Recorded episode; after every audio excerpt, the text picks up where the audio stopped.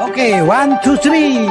Starting again, channel podcast Igrea Siswanto. Uh, selamat sore, selamat berjumpa lagi di channel podcast Igrea Siswanto. Hari ini saya akan berbincang-bincang dengan orang yang luar biasa, uh, yang pastinya akan banyak memberikan inspiratif dan uh, berkat buat kita. Ya, nah saya akan perkenalkan beliau adalah seorang yang luar biasa dan memimpin sebuah yayasan namanya Elsapan ya. Pak Pendeta Ritson Manyunyu MTH atau sekarang sudah S3 Pak? Sudah selesai atau gimana? Ya. jangan disebut-sebut Pak. Lagi dikejar-kejar ya. Oh gitu. Ya ya. Oke. Okay. ya. Yeah saya harus sebut Pak supaya kita ini juga bisa dikompor-kompori gitu biar yang muda-muda juga terpacu semangatnya ah gitu ya ya uh, Pak Rinson yeah. pasti ada cerita ya banyak yang yeah. menarik nih ya, nanti saya akan bagikan semua uh, bincang-bincang santai kita saya akan ngulik tentang Pak Rinson dan Yayasan El Sapan ini Siap. Siap. saya yang sudah beberapa kali berkunjung ke Yayasan Bapak ini saya melihat waduh ini luar biasa ini kalau bukan campur tangan Tuhan oh, kayaknya gitu. nggak mungkin ya. ini kayaknya gitu nah. Ya. Nah, uh, teman-teman uh, pemirsa uh, Pak Rikson ini seorang tunanetra tetapi hari ini beliau memimpin sebuah yayasan namanya El Sapan betul ya Pak ya betul yayasan El Sapan nah Pak bisa cerita gimana awal dan terbentuknya yayasan El Sapan ini Pak Ya, sebelum ke sana karena kebenaran kita uh, siaran ini di hari Ahad 24 Mei 2020 tepat sesaudara kita umat muslim merayakan Idul Fitri 1 Syawal 1441 Hijriah.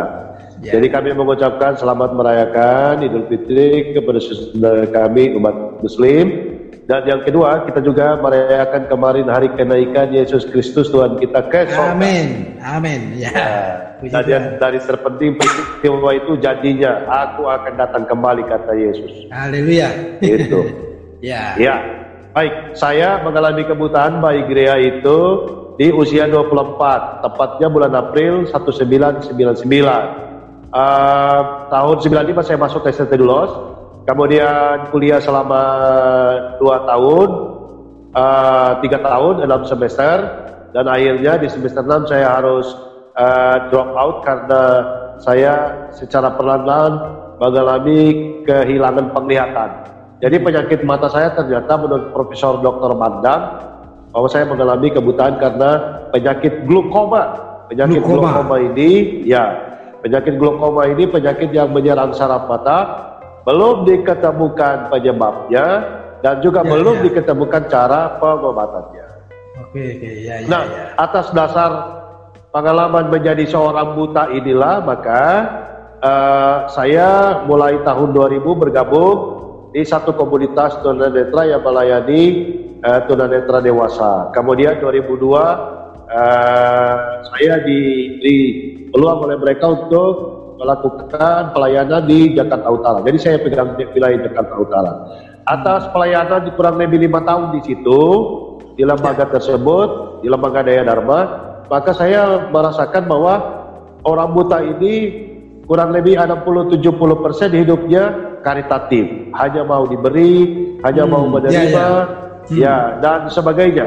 Jadi saya berpikir kalau begini terus sampai Tuhan Yesus datang nasib mereka tidak akan berubah. Iya iya. Tidak Jadi akan harus berubah paradigma ya. untuk dibelas kasihani ya. ya begitu. Ya, ya. Jadi ya. Uh, akhirnya saya mengajak istri saya waktu itu tahun 2006 uh, eh, kemudian dengan beberapa orang, ayo kita memulai pelayanan yang berbeda uh, yaitu kita memulai pelayanan anak. Ya, semua setuju. Tapi waktu saya bilang pelayanan anak yang tunanetra, ah, semua kaget begitu. Iya, ya. iya. Iya, jadi eh, mengapa demikian? Supaya eh, anak-anak eh, itu kalau kita layani mereka bisa dilakukan transformasi. Ya, ya, ya, ya. jadi kita tanamkan budaya baru, pikiran baru, harapan baru, etika baru, semua yang normal sebagaimana manusia pada umumnya. Maka eh, oleh anugerah dan kasih sayang Tuhan, eh, kita memulai pelayanan itu dari Cipinang Baru Bundar menyewa satu kontrakan kecil Pak Igrea satu kamar, hmm. kemudian kami menampung satu, dua, tiga, empat, lima, enam, tujuh, delapan anak. Ya. Pertama itu, itu langsung delapan, ya Pak, langsung ya. delapan, delapan anak atau satu, dua, tiga begitu nambah? Satu, dua, tiga dulu Pak. Jadi dalam itu. kurun waktu dua tahun, dalam kurun waktu dua tahun. Ya. Hmm. Jadi kelihatannya coba anak pertama, kelihatannya passionnya memang di situ, ya. Hmm, ya. Bahwa saya sangat mencintai anak itu, istri saya juga sangat mencintai anak itu sekalipun tidak keluar dari rahimnya. Eh, kami merasa bahwa inilah jalan yang Tuhan beri untuk kami untuk melayani. Pak ya, sekarang secara ya. Ya Pak, uh, saya, maaf saya potong. Uh, sekarang ada berapa uh, murid yang dibina oleh Yayasan Irsapan ini dan berapa guru Pak saat ini? Dari tahun 2006 sampai hari ini kami sudah melayani kurang lebih 89 eh, anak tunanetra dan sudah banyak alumninya. Sekarang di per 2020 ini yang aktif adalah 39 yang kami layani. Kemudian pelayanan El itu ada bidang panti, ada bidang sekolah luar biasa, TK, SD, SMP, SMA. Kemudian ada juga bidang sekolah pendidikan usia dini di Poso dan yang keempat eh, pusat balai latihan kerja disabilitas juga di Poso. Hmm, luar biasa, ya. Yeah. Uh, saya dengar ini kalau saya lihat ke tempat kantor bapak itu kan saya lihat di rak itu piala, piagam banyak sekali itu di sana. Uh, bisa berikan gambaran Pak murid-murid yang dibina itu prestasinya seperti apa? Saya lihat ada yang sudah dikirim ke luar negeri dan sebagainya itu, Pak. Ya, itu. Jadi kalau tunanetra itu diberi peluang, kesempatan, pendidikan, pembinaan, pendampingan yang baik dan benar, maka mereka akan hidup normal sebagaimana manusia pada umumnya. Hmm. Sehingga tujuan awal untuk meletakkan dasar yang baik, dasar yang benar, melalui dasar firman Allah, firman Tuhan, ya, ya. sehingga hidup mereka itu dieksplor, dieksplorasi sehingga kami eh, hanya menjadi fasilitator buat mereka untuk mereka bisa menentukan pilihan-pilihannya. Ada yang suka olahraga, ada yang suka berjadi, ada yang suka bermusik, ada yang suka atletik, ada yang suka seni lainnya, sehingga kami hanya memberi dukungan. Nah, dengan demikian maka uh, mereka berupaya untuk meraih segala prestasi. Dan prestasi si tertinggi eh, warga binaan eh, tunanetra yang Safan ini eh, ada dua anak, satu yang sudah pernah performance di Berlin, Jerman dengan choirnya hmm, eh, ya, ya. Esra Anggreni Barat. Yang kedua sudah ikut ajang lomba eh, profesional lagu seriosa di kota Praha, Ceko, Eropa Timur. Ceko, ya, wah keren, gitu ya. Nah, justru itulah Pak yeah. yang uh, yeah. saya yakin ini akan banyak menginspirasi eh, orang-orang kita ya. Jadi yang bisa melihat. Nah, uh, makanya saya tertarik sekali uh, ingin ngobrol santai dengan Pak uh, Ritson gitu ya. Nah, saya juga yeah. jujur yeah. saja saya terberkati juga Pak waktu saya datang ke tempat Bapak itu saya melihat anak-anak pergi uh, naik Grab sendiri begitu ya. Lah anak saya yeah. ini normal bisa lihat kok nggak seberani itu. Nah, akhirnya saya berani melatih yeah. anak saya.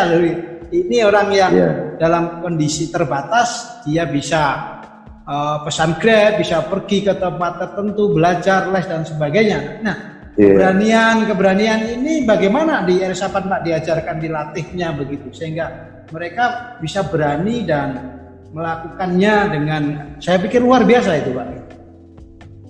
Ya, jadi eh, sebagaimana yang kita kenal pada masyarakat umum bahwa bisa karena terbiasa, jadi ini juga kami terapkan di tunanetra. Sejak dini kami membiasakan mereka untuk diajari berjalan sendiri, mandi sendiri, mencuci pakaian sendiri, mengganti baju sendiri, menyetrika sendiri, memasak sendiri. Semuanya kami latih untuk dipersiapkan agar mereka ke depan bisa hidup independen, mandiri pada kehidupan masyarakat. Jadi eh, aktivitas-aktivitas itu selalu kami lakukan pendampingan dan eh, semua dapat berjalan dengan baik. Jadi mereka bisa menguasai komputer, teknologi, Microsoft Word, mereka bisa menggunakan Android, smartphone, handphone, mereka bisa order GoFood, mereka bisa order uh, ojek online, uh, transfer, mereka bisa naik kereta api, kemudian mereka bisa pergi dari provinsi satu ke provinsi yang lain. Nah, itu semua dilatih keberanian, mentalnya dipersiapkan, dan kami mengindoktrinasi bahwa kamu harus membantu terutama dirimu sendiri karena di luar sana kamu tidak bisa meminta tolong kepada orang lain. Jangankan kepada orang lain, kepada orang tua, kepada saudara, mereka punya keterbatasan. Kepada kakak, kepada adik, mereka pasti punya keluarga sendiri, punya kesibukan sendiri. Jadi jangan pernah berharap 100% kepada Ya, ya. Wow. Ibu, ya. dengan demikian engkau pasti bisa melakukan apa saja. Ya, ya. Nah, Pak, ini ngomong-ngomong ini kan Bapak kelola ada banyak murid, harus menggaji guru, karyawan, kemudian uh, biaya operasional, Bapak punya beberapa mobil, kemudian gedung perawatan yang gedungnya juga bukan hanya gedung yang biasa, saya lihat gedung yang cukup mega. Nah, ini ngomong-ngomong dananya dari mana ini Pak? ya, yang pertama dananya dari sorga. Ya. ya. Dari sorga itu caranya adalah melalui yang pertama kepercayaan, akuntabilitas. Ya, hmm. jadi integritas dan akuntabilitas. Integritas itu adalah bagaimana kita antara kata dan perbuatan itu sama, termasuk dalam hal pengelolaan dana-dana yang dipercayakan Tuhan melalui relasi yang dikelola oleh yayasan. Itu yang pertama. Yang kedua, akuntabilitas. Kita berusaha setransparan mungkin, tidak ada yang tertutupi, open management, sehingga siapa pun dapat mengintip eh, tata kelola keuangan kami. Hmm. Yang ketiga, kami diaudit, audit eksternal oleh akuntan publik, sehingga ya, ini ya, ya. akan diminimalisir untuk adanya penyimpangan-penyimpangan. Jadi kami berusaha, saya dan istri berkomitmen bahwa Yayasan El Safan ini sekalipun kami yang mendirikan, tetapi ini bukan milik kami. Satu saat kami hmm. akan dipanggil Tuhan, akan kita wariskan dan El Safan ini harus tetap ada dan kita persiapkan sistemnya secara baik, baik sistem secara teknologi, sistemnya secara etika dan budaya maupun sistem-sistem yang lain. Sehingga dengan demikian, yayasan ini sungguh-sungguh benar-benar diadakan untuk kemuliaan nama Tuhan. Wah, luar biasa. Pak, yeah. ceri uh, gimana ceritanya uh, kisah buku Bapak yang uh, lumayan tebal nih ya, dengan judul melihat yang tak terlihat kan. Ini juga saya, saya dapat bukunya ini, saya dapat hadiah dari Bapak ini sering saya berikan kepada teman-teman saya kan juga kadang-kadang memberikan pelatihan tentang menulis nih saya bilang gitu Iya. Untuk untuk menginspirasi mereka. Nih, saya bilang seorang yang tunanetra bisa menulis buku yang setebal ini, saya bilang begitu. Nah, ini ya. bagaimana Bapak bisa mewujudkan uh, buku melihat yang tak terlihat ini, gitu Pak? Ya, buku salah satu adalah bagian daripada pembuktian, pembuktian daripada apa yang kita kerjakan. Ya, kalau kita mengingat para rasul, semua mereka punya catatan-catatan kegiatan mereka masing-masing yang kita sebut dengan baik Alkitab maupun catatan-catatan yang tidak masuk dalam kanon. Nah, oleh karena itu saya pikir setiap kita yang terjun di lapangan, setidak-tidaknya juga harus mendokumentasikan bagian daripada pembuktian apa yang telah kita kerjakan dan apa yang sedang kita kerjakan. Syukur bahwa buku ini sudah dua kali cetak, sudah 6.000 eksemplar habis. Hmm. Uh, uh, um, apa dia launchingnya di Kick Eddy Metro TV Pak Igria. Jadi ya, ya. agak saya lihat, sedikit saya spesial lihat. buku ini ya dia agak sedikit spesial sehingga eh, diharapkan dari buku ini setidak-tidaknya dia bukan karya ilmiah tetapi dia merupakan catatan-catatan pengalaman hidup yang semoga bisa menginspirasi dan memberikan motivasi kepada orang lain. Yang kedua, yang kedua adalah bagi daripada proses kami untuk uh, memberikan tanda kasih kepada segala segenap relasi yang telah bersama-sama kurang lebih 14 tahun. Mungkin mereka tidak bisa datang, mungkin mereka mereka tidak bisa pantau, tetapi dengan membaca buku sedikit akan uh, melengkapi data informasi yang kami lakukan di El Safwan. Ya, ya saya teringat sebuah uh, pepatah begini. Uh, orang yang pandai sehebat apa pun kalau dia tidak menulis maka dia akan hilang di telan keabadian kira-kira tidak meninggalkan jejak gitu ya iya iya ya ah Pak Ritson saya ini kan sering juga keliling di Sulawesi Tengah, ke Poso, iya. tempat asalnya Pak Ritson ini. Nah, iya. saya sering ketemu juga hamba-hamba Tuhan, banyak kenal di sana. Nah, mereka juga uh, cukup kenal baik dengan Pak Ritson. Bahkan saya iya. juga mendengar cerita-cerita ya kalau dibilang eh, itu dulu kebandelan lah kira-kira itu.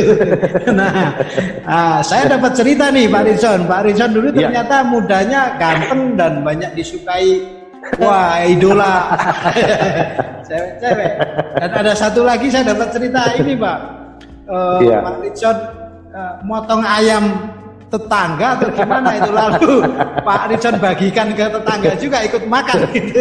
Betul nggak ini?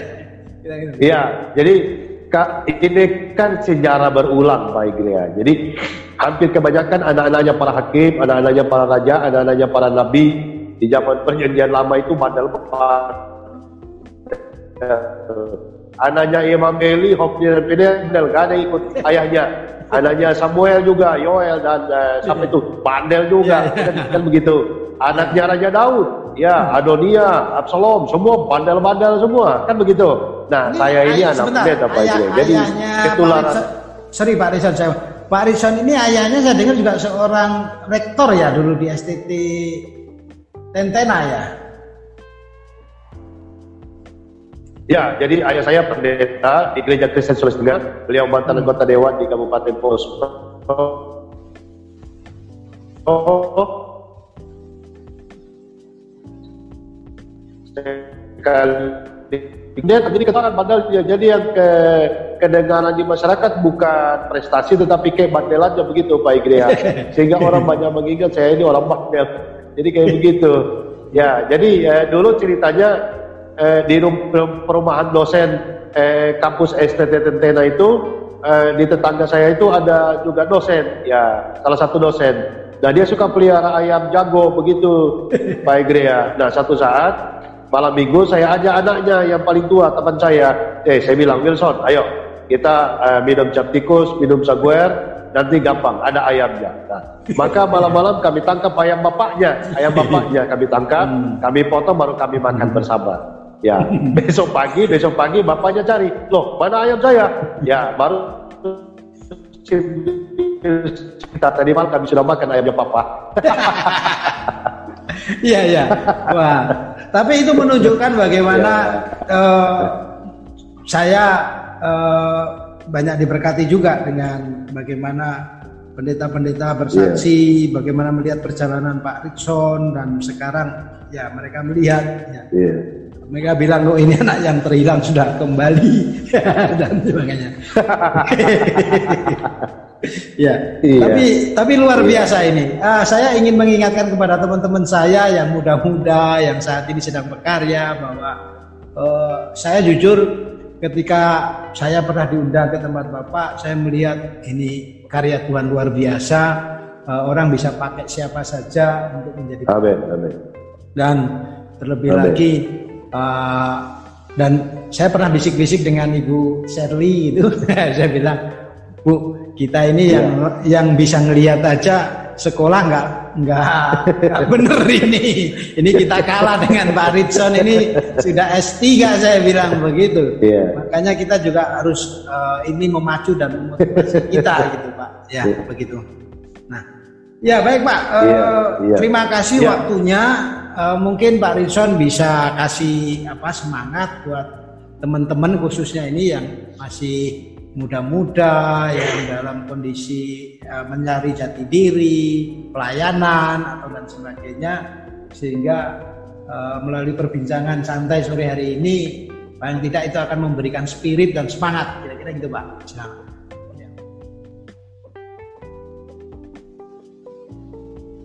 Baik, uh, terima kasih pendengar daripada channel daripada Pak Gereja Siswa ini uh, yang pertama kepada teman-teman penyandang disabilitas di mana pun berada yang kebenaran menyaksikan atau mendengarkan program ini atau kepada keluarganya yang kebenaran ada anggota keluarganya mengalami disabilitas apakah buta, tuli, bisu, apakah lumpuh, apakah IQ di bawah rata-rata, apakah autis. Saya ingin menyampaikan jangan pernah takut bahwa mereka terlahir tidak pernah salah dilahirkan di bumi ini. Bahwa Tuhan ya, ya. memahami, ya. mengerti, Tuhan mengizinkan terjadi. Ada satu proses kehidupan yang harus ditangkap. Oleh karena itu, berdoalah, berdoalah, berdoalah. Amin, seperti amin, amin. seperti Elisa atau Elia menyampaikan kepada Elisa, Elisa juga kepada bujangnya. Ketika dia tertutup matanya, dia mengalami ketakutan. Dia bilang, jangan takut. Ada ratusan ribu malaikat sedang mengelilingi kita dan akhirnya matanya dibukakan. Ya, untuk dapat melihat. Oleh karena itu, eh, mintalah kepada Tuhan untuk dibukakan mata jasmani, mata rohani kita, mata insting, mata apa saja agar kita dapat diberi kemampuan untuk melihat apa yang tidak bisa dilihat oleh mata orang lain melalui anggota keluarga kita yang mengalami eh, disabilitas itu. Sehingga ada berkat besar yang Tuhan siapkan. Bukan Amen. kutuk bukan aib bukan penderitaan bukan kesusahan. Tetapi sejati Allah sedangnya terimalah mereka, sayangi, cintai mereka sepenuh hati. Sehingga jika demikian maka kita akan menjadi keluarga Kristen yang hebat, yang luar biasa, yang sungguh-sungguh mengasihi pekerjaan Tuhan. Itu yang pertama. Yang kedua, yang kedua dalam membangun pelayanan jangan pernah lupakan integritas. Kemudian yang kedua akuntabilitas dan yang ketiga adalah networking, jaringan, ya jaringan. Ya. Karena kita dengan bersahabat dengan siapa pun yang beragama Muslim, Hindu, Kristen, Katolik, Buddha, yang mereka ekonomi lemah, ekonomi menengah, ekonomi besar, itu semua hormatnya harus sama, harus sama. Ya, Tidak ya, boleh ya. kalau dia naik mobil mewah, hormat kita lebih menunduk, tapi kalau tukang sampah kita anggap dia remeh. Tidak boleh karena kita tidak tahu jangan-jangan dia adalah di mana Yesus sedang menyamar menjadi tukang sampah. Oleh karena itu, hargai, hormati siapa pun yang ada di sekelilingmu, karena mereka lah yang akan membuat hidupmu dan pelayananmu akan lebih baik dan akan lebih maju. Dan yang ketiga adalah di era sekarang ini jangan pernah sekali-kali melupakan dan tidak mengikuti uh, era digitalisasi. Ya. Setuju. Amin. Ini era yang sudah era yang sudah dinubuatkan oleh Nabi Daniel. Sudah dinubuatkan oleh Nabi Daniel bahwa era ini era sangat cepat, sangat-sangat banyak berubah.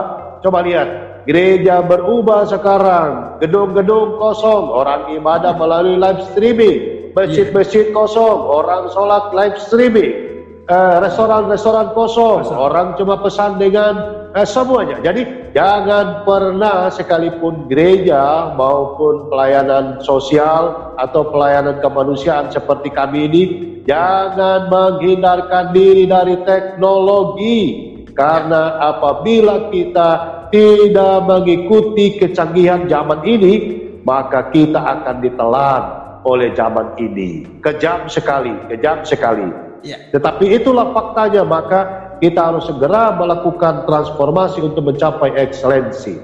Yang kelima, yang kelima kepada gereja, kepada lembaga-lembaga lain, mari kita kembali melihat fokus. Fokus pelayanan kita apa sih sebenarnya? Membangun gedung kah? Memperindah apa yang kita miliki kah? Toh semuanya tidak ada artinya. Ayo, sekarang pertanyaannya. Eh, ya. apakah kamu masih pakai jas dan dasimu sekarang? Sudah hampir tiga bulan? Ah, betul, apakah betul. kamu, apakah kamu kalian atau kita semua masih pakai sepatu kita yang bermerek? Ya. ya. Apakah kita masih menggunakan sound system yang kita yang ratusan juta di gereja? No, no, kosong, nol besar, nol besar. Ya, ya. Ayo, kita kembali fokus melayani manusia sesama yang Tuhan sudah amanatkan. Tuhan sudah amanatkan. Di mana sebelum Amin. dia naik ke sorga dia sudah berkata, pergilah, jadikanlah semua bangsa muridku, baptiskanlah mereka dalam nama Bapa, Putra dan Roh Kudus, ajarkanlah semua apa yang telah kuajarkan kepadamu yeah. kepada mereka. Dan jadinya ketahuilah, aku akan menyertai engkau sampai kesudahan zaman.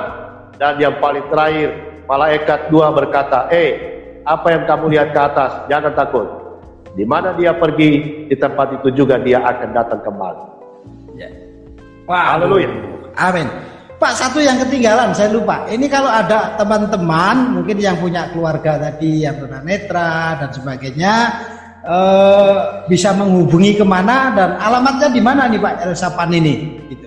Baik, uh, Yayasan Elsapan, Jalan Betung Raya nomor 49 RT 13 RW 05 Kelurahan Pondok Bambu Kecamatan Duren Sawit Jakarta Timur 13430 telepon 021 866 11458 atau handphone 0813 1050 2362 atau WhatsApp 0853 1096 9741 dengan Ritson Manyonyo. Iya.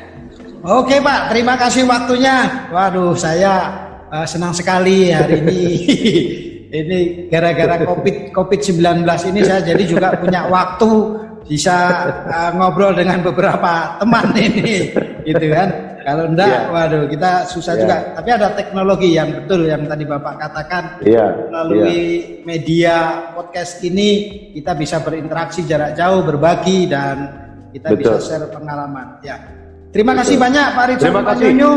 Maju uh, terus. Waktunya uh, kapan kapan-kapan kita jalan bareng lagi ke Sulawesi Tengah pelayanan. Siap. Ya. Siap. Ya, Siap. terima kasih Tuhan Yesus memberkati. Salam. Ya, salam.